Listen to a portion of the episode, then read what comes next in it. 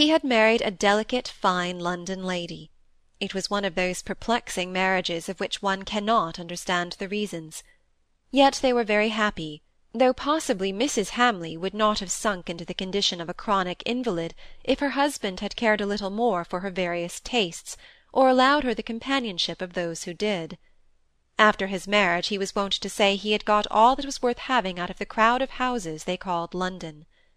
It was a compliment to his wife which he repeated until the year of her death.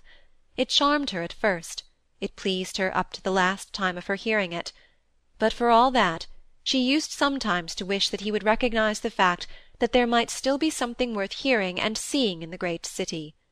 But he never went there again, and though he did not prohibit her going, yet he showed so little sympathy with her when she came back full of what she had done on her visit that she ceased caring to go. Not but what he was kind and willing in giving his consent, and in furnishing her amply with money. "There, there, my little woman, take that. Dress yourself up as fine as any on 'em, and buy what you like, for the credit of Hamley of Hamley, and go to the park and the play, and show off with the best on 'em. I shall be glad to see thee back again, I know, but have thy fling while thou'rt about it." Then, when she came back, it was well, well, it has pleased thee, I suppose, so that's all right. But the very talking about it tires me, I know, and I can't think how you have stood it all. Come out and see how pretty the flowers are looking in the south garden. I've made them sow all the seeds you like, and I went over to Hollingford nursery to buy the cuttings of the plants you admired last year. A breath of fresh air will clear my brain after listening to this talk about the whirl of London, which is like to have turned me giddy. Mrs. Hamley was a great reader and had considerable literary taste. She was gentle and sentimental, tender and good. She gave up her visits to London, she gave up her sociable pleasure in the company of her fellows in education and position. Her husband, owing to the deficiencies of his early years, disliked associating with those to whom he ought to have been an equal; he was too proud to mingle with his inferiors. He loved his wife all the more dearly for her sacrifices for him but deprived of all her strong interests, she sank into ill health. Nothing definite, only she was never well. Perhaps if she had had a daughter it would have been better for her, but her two children were boys, and their father, anxious to give them the advantages of which he himself had suffered the deprivation, sent the lads very early to a preparatory school. They were to go on to Rugby and Cambridge; the idea of Oxford was hereditarily distasteful in the Hamley family. Osborne, the eldest, so called after his mother's maiden name, was full of taste and had some talent. His appearance had all the grace and refinement of his mother's. He was sweet-tempered and affectionate, almost as demonstrative as a girl. He did well at school, carrying away many prizes, and was in a word the pride and delight of both father and mother, the confidential friend of the latter in default of any other. Roger was two years younger than Osborne clumsy and heavily built, like his father. His face was square, and the expression grave and rather immobile. He was good, but dull, his schoolmasters said. He won no prizes, but brought home a favourable report of his conduct. When he caressed his mother she used laughingly to allude to the fable of the lap-dog and the donkey. So thereafter he left off all personal demonstration of affection. It was a great question as to whether he was to follow his brother to college after he left Rugby. Mrs. Hamley thought it would be rather a throwing away of money, as he was so little likely to distinguish himself in intellectual pursuits. Anything practical, such as a civil engineer, would be more the kind of life for him. She thought that it would be too mortifying for him to go to the same college and university as his brother, who was sure to distinguish himself, and to be repeatedly plucked to come away wooden spoon at last but his father persevered doggedly, as was his wont, in his intention of giving both his sons the same education. They should both have the advantages of which he had been deprived. If Roger did not do well at Cambridge, it would be his own fault. If his father did not send him thither, some day or other he might be regretting the omission, as the squire had done himself for many a year. So Roger followed his brother Osborne to Trinity, and Mrs. Hamley was again left alone after the year of indecision as to Roger's destination, which had been brought on by her urgency. She had not been able for many years to walk beyond her garden. The greater part of her life was spent on a sofa, wheeled to the window in summer, to the fireside in winter. The room which she inhabited was large and pleasant. Four tall windows looked out upon a lawn dotted over with flower beds, and melting away into a small wood, in the centre of which was a pond, filled with water lilies. About this unseen pond in the deep shade Mrs. Hamley had written many a pretty four-versed poem since she lay on her sofa, alternately reading and composing verse.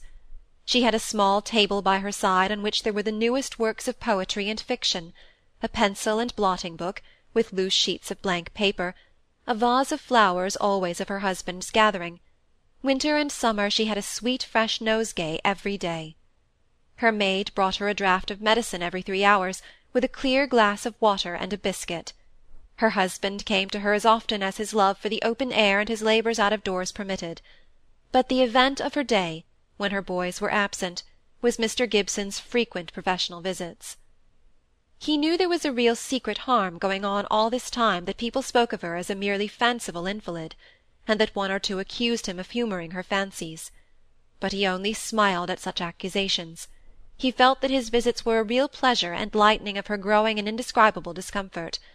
He knew that Squire Hamley would have been only too glad if he had come every day, and he was conscious that by careful watching of her symptoms he might mitigate her bodily pain. Besides all these reasons, he took great pleasure in the squire's society. Mr. Gibson enjoyed the other's unreasonableness, his quaintness, his strong conservatism in religion, politics, and morals. Mrs. Hamley tried sometimes to apologize for, or to soften away opinions which she fancied were offensive to the doctor, or contradictions which she thought too abrupt. But at such times her husband would lay his great hand almost caressingly on Mr. Gibson's shoulder, and soothe his wife's anxiety by saying, let us alone, little woman. We understand each other, don't we, doctor? Why, bless your life, he gives me better than he gets many a time. Only, you see, he sugars it over, and says a sharp thing, and pretends it's all civility and humility. But I can tell when he is giving me a pill. One of Mrs. Hamley's often expressed wishes had been, that Molly might come and pay her a visit. Mr. Gibson always refused this request of hers, although he could hardly have given his reasons for these refusals. He did not want to lose the companionship of his child, in fact, but he put it to himself in quite a different way. He thought her lessons and her regular course of employment would be interrupted. The life in Mrs. Hamley's heated and scented room would not be good for the girl. Osborne and Roger Hamley would be at home, and he did not wish Molly to be thrown too exclusively upon them for young society. Or they would not be at home, and it would be rather dull and depressing for his girl to be all the day long with a nervous invalid. But at length the day came when Mr. Gibson rode over and volunteered a visit from Molly, an offer which Mrs. Hamley received with the open arms of her heart, as she expressed it, and of which the duration was unspecified. The cause for the change in Mr. Gibson's wishes just referred to was as follows. It has been mentioned that he took pupils, rather against his inclination, it is true, but there they were, a Mr. Wynne and Mr. Coxe, the young gentlemen, as they were called in the household, Mr. Gibson's young gentlemen, as they were termed in the town. Mr. Wynne was the elder, the more experienced one, who could occasionally take his master's place, and who gained experience by visiting the poor and the chronic cases. Mr. Gibson used to talk over his practice with Mr. Wynne, and try and elicit his opinions in the vain hope that, some day or another, Mr. Wynne might start an original thought.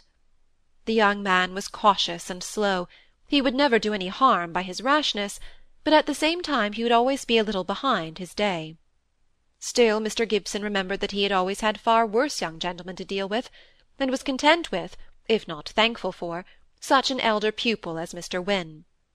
Mr. Coxe was a boy of nineteen or so with brilliant red hair and a tolerably red face, of both of which he was very conscious and much ashamed. He was the son of an Indian officer, an old acquaintance of Mr. Gibson's.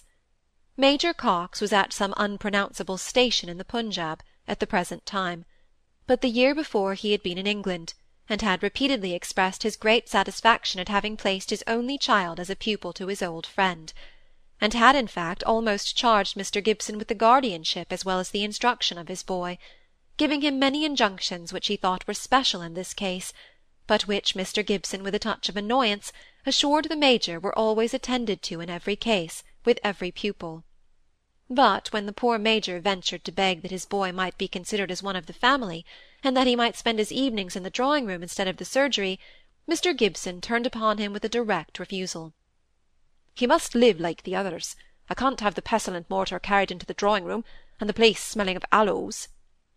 "Must my boy make pills himself, then?" asked the Major ruefully. "To be sure. The youngest apprentice always does. It's not hard work.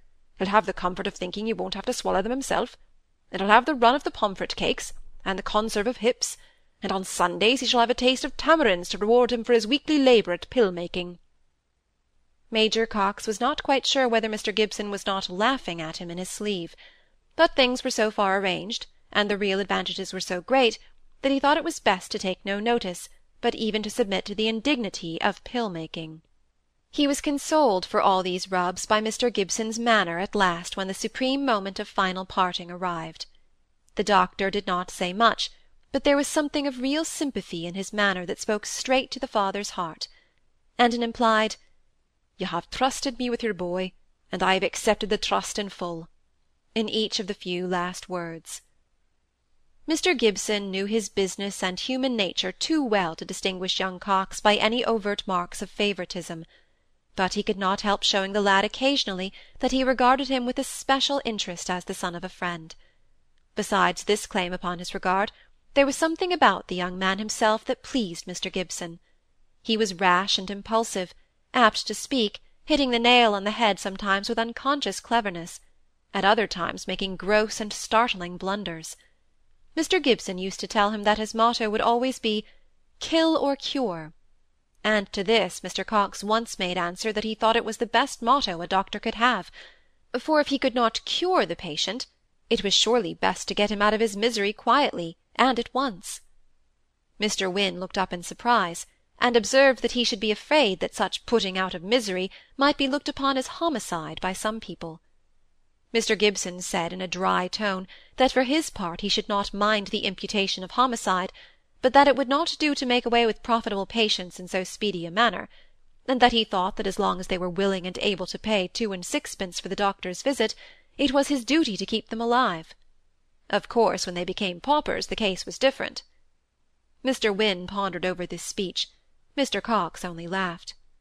At last Mr Wynne said, "But you go every morning, sir, before breakfast to see old Nancy Grant, and you've ordered her this medicine, sir, which is about the most costly in Corbyn's bill."